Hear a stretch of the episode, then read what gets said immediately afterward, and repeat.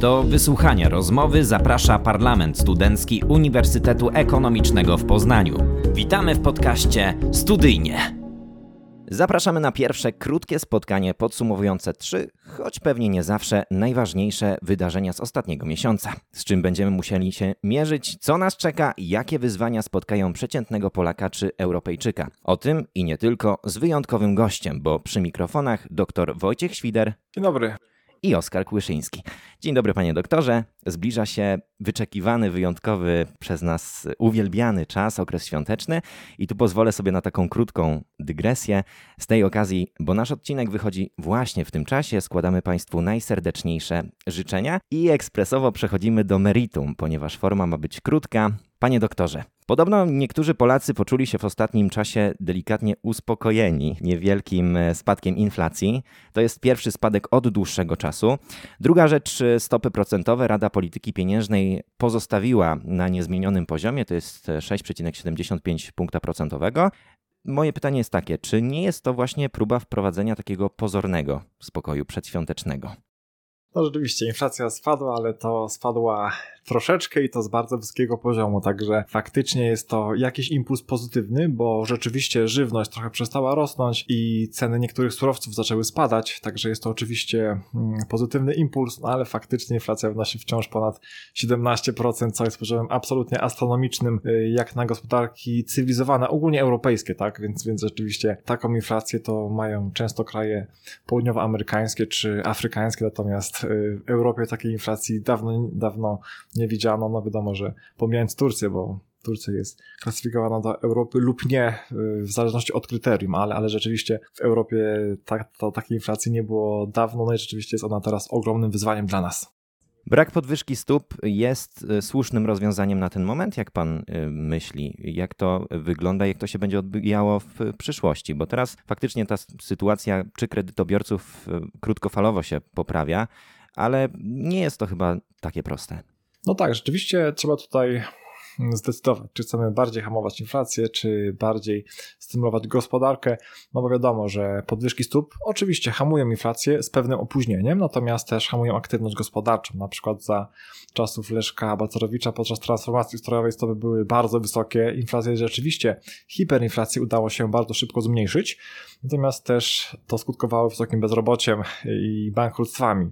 Dzisiaj mam wrażenie, że nasza władza idzie w drugą stronę. Woli pozwolić na wyższą inflację, y, nie ryzykując praktycznie wcale bezrobociem, bo dzisiaj bezrobocie w Polsce jest ekstremalnie niskie. Dziś praktycznie każdy, kto chce, to pracuje.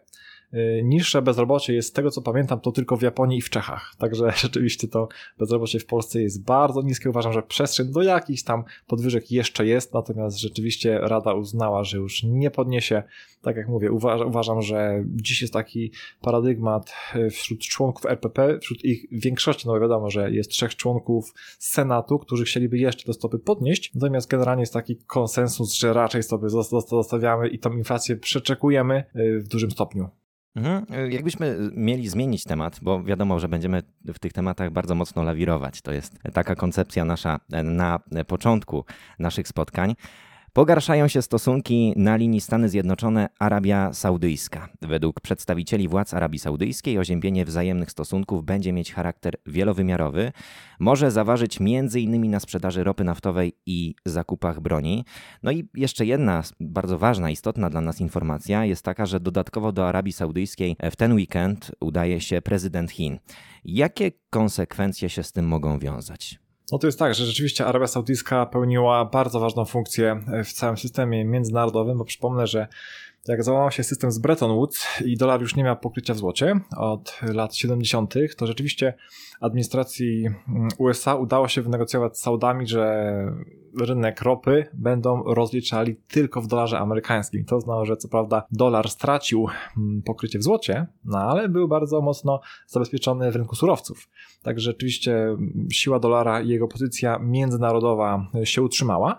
Rzeczywiście Amerykanie z Saudami dosyć ściśle współpracowali. Na początku jeszcze wieku ubiegłego to Amerykanie dostarczyli im technologii do wydobycia ropy. Rzeczywiście Arabia Saudyjska stała się pod tym względem mocarstwem. Rzeczywiście te kraje długo ze sobą współpracowały, natomiast teraz rzeczywiście jest rozłam, ponieważ nowy książę jest dosyć despotyczny, nie respektuje praw, praw człowieka, zabija opozycję, więc de facto no, trudno, żeby Stany Zjednoczone miały z tym krajem dobre stosunki. Więc faktycznie jest to ochłodzenie. Mówię, że niestety, no bo gdyby były te stosunki normalne, to łatwiej by teraz było Stanom Zjednoczonym wynegocjować większą podaż ropy naftowej, co oczywiście dla nas byłoby też dobre, bo my ropy no praktycznie nie mamy, a ją importujemy, więc, więc oczywiście dla nas jako dla Polaków to tańsza ropa jest dużo lepsza, także rzeczywiście dla, dlatego powiedziałem niestety, lepiej byłoby dla nas, gdyby Stany mogły uwolnić duże zasoby ropy z różnych rejonów świata, jak, jak to się stało teraz ostatnio na przykład w Wenezueli, gdzie te sankcje zostały po, po części ściągnięte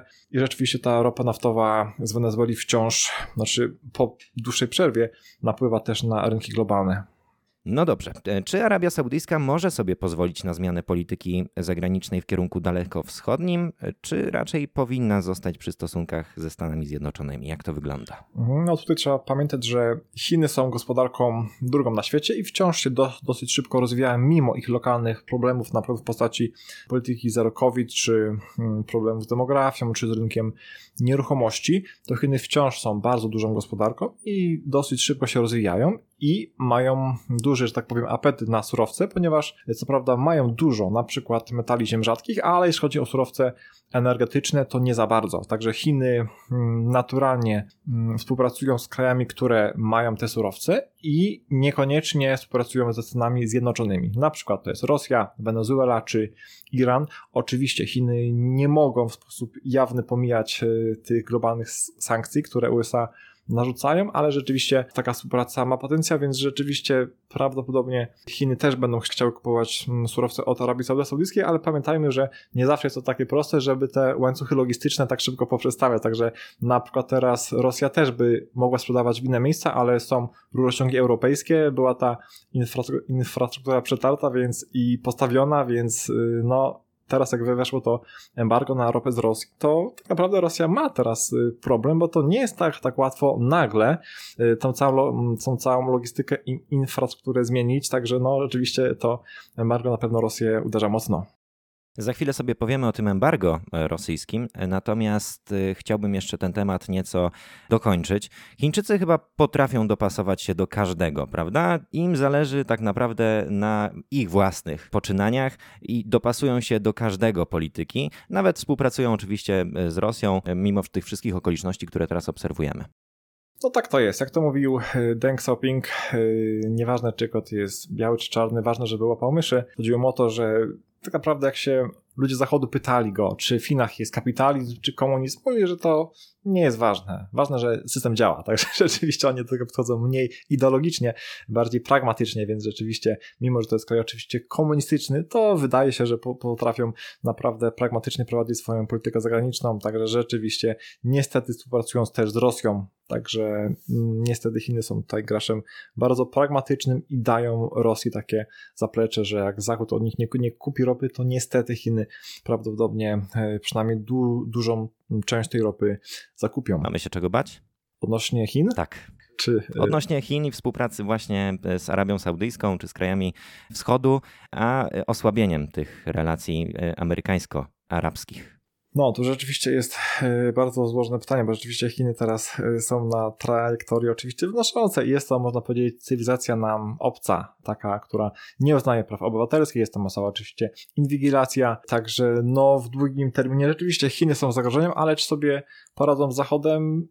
Niekoniecznie, ponieważ no jasne, gospodarczo się można szybko rozwijać, to jest jedna sprawa. Co więcej, nie wiemy na ile te dane chińskie są rzetelne. Są artykuły naukowe, które kwestionują mm, te dane w ogóle o PKB, y, że PKB chiński jest około 1 trzecią przeszacowany, to, to oznacza, że ich dług publiczny do PKB jest du dużo większy niż y, wskazują na to oficjalne statystyki. Ja akurat jestem daleki od różnych takich teorii spiskowych, ale, ale rzeczywiście jeśli chodzi o Chiny, to faktycznie to ta manipulacja danymi jest bardzo, bardzo prawdopodobna, więc tak naprawdę Chiny być może na papierze są silniejsze niż w praktyce i co więcej, tak jak mówiłem, te problemy demograficzne sprawiają, że Chiny nie mają aż takiego potencjału, jak się niektórym wydaje. Oczywiście mają spory, bo to jest kraj położony na dużej przestrzeni, bardzo ludny, tam technologia się szybko rozwija, w sztucznej inteligencji są naprawdę zaawansowani, także rzeczywiście mają swoje, swoje przewagi, no ale rzeczywiście czy, czy przegonią Zachód? Mm, na pewno Azja jako blok takie szanse by miała, ale w Azji Chiny nie cieszą się zbyt dużą popularnością, raczej te duże gospodarki azjatyckie typu Japonia, Indie nie, nie lubią Chin, tak? także ciężko sobie wyobra wyobrazić, żeby, e, żeby Azja była jako cały blok, a Chiny same w Azji co nieco izolowane, uważam, że nie będą tak silne, jak niektórym się wydaje. Odważna teza, jeżeli powiem, że Polska powinna postarać się poznać ten rynek chiński, bo mam wrażenie, że my tak unikamy tego tematu chińskiego bardzo mocno. Niewiele o tych, sam pan doktor powiedział, że niewiele o tych Chinach w ogóle wiemy. Czy to jest tak? Oczywiście Polska jakieś interesy wspólne ma. Na przykład jak była koncepcja jedwabnego szlaku, no to przez Polskę miała przechodzić y, ważna nitka, natomiast Ameryce to nie jest na rękę, żeby Chiny sobie mogły sprzedawać towary do Europy z pominięciem oceanu, które Amerykanie kontrolują. Tak rzeczywiście była taka akcja, że potrzebna była do tej infrastruktury jedna działka MONU, którą Macierewicz nie chciał sprzedać. Prawdopodobnie dlatego, że jednak Amerykanie nie chcieli tego, tego, tego że, żeby ta nitka powstała. Więc rzeczywiście widzimy, że jest to taki konflikt. Wiadomo, że nie da się y, robić interesów z wszystkimi, i mieć dobrych relacji z wszystkimi, no bo skoro tutaj współpracujemy ściśle z Ameryką, jeśli chodzi o architekturę bezpieczeństwa, no to nie możemy też współpracować w 100% z Chinami, więc, więc rzeczywiście jest to pewien problem. Na pewno potencjał gospodarczy jest, żeby, żeby z Chinami współpracować i Polska z Chinami współpracuje, bo tam dużo sprzedajemy, na przykład mleka czy innych e, wyrobów rolniczych. Także współpracujemy z Chinami, ale rzeczywiście na poziomie takim strategicznym ciężko współpracować z Chinami, jeśli chcemy mieć e, dobre stosunki z USA. Oczywiście. E, przechodzimy do tego tematu embargo. Unia Europejska przestała kupować rosyjską ropę przewożoną drogą morską. Ma to pozbawić Moskwę dochodów kluczowych dla jej wojny w Ukrainie. To zaboli Rosję, ale czy zaboli aż tak mocno, jak chce tego Bruksela? Na pewno zaboli, ponieważ e, część tych złóż e, rosyjskich jest na terenie wiecznej zmazliny. To, to oznacza, że nie można przestać wydobywać, bo wtedy się mm, wytrąca woda i parafina. Jak to zamarznie, to jest potem problem, e, bo tą infrastrukturę trzeba by potem naprawiać, a do tego Rosja nie ma już części po sankcjach. Także rzeczywiście jest to pewien problem, więc teraz Rosjanie muszą albo to wydobywać i wylewać lub palić, albo znaleźć inne drogie sprzedaży, co nie będzie proste, bo infrastruktury nie da się to tak postawić z dnia na, na dzień. Oczywiście mogą sprzedawać trochę dom y, na inne kierunki, ale bazowo, jeżeli eksportowali do Unii Europejskiej, no to rzeczywiście y, pojawia się dla nich problem. Więc rzeczywiście sankcje uważam są dotkliwe i są coraz bardziej dotkliwe, bo tak jak mówię, one, one z czasem działają coraz mocniej. Teoretycznie Rosja wydaje się mocna, ponieważ ona też zgromadziła spore rezerwy przed wojną. Oczywiście część tych rezerw zostało zamrożonych, ale część nie, więc, no, no więc naprawdę y, Rosja była dobrze przygotowana do wojny finansowo, niestety.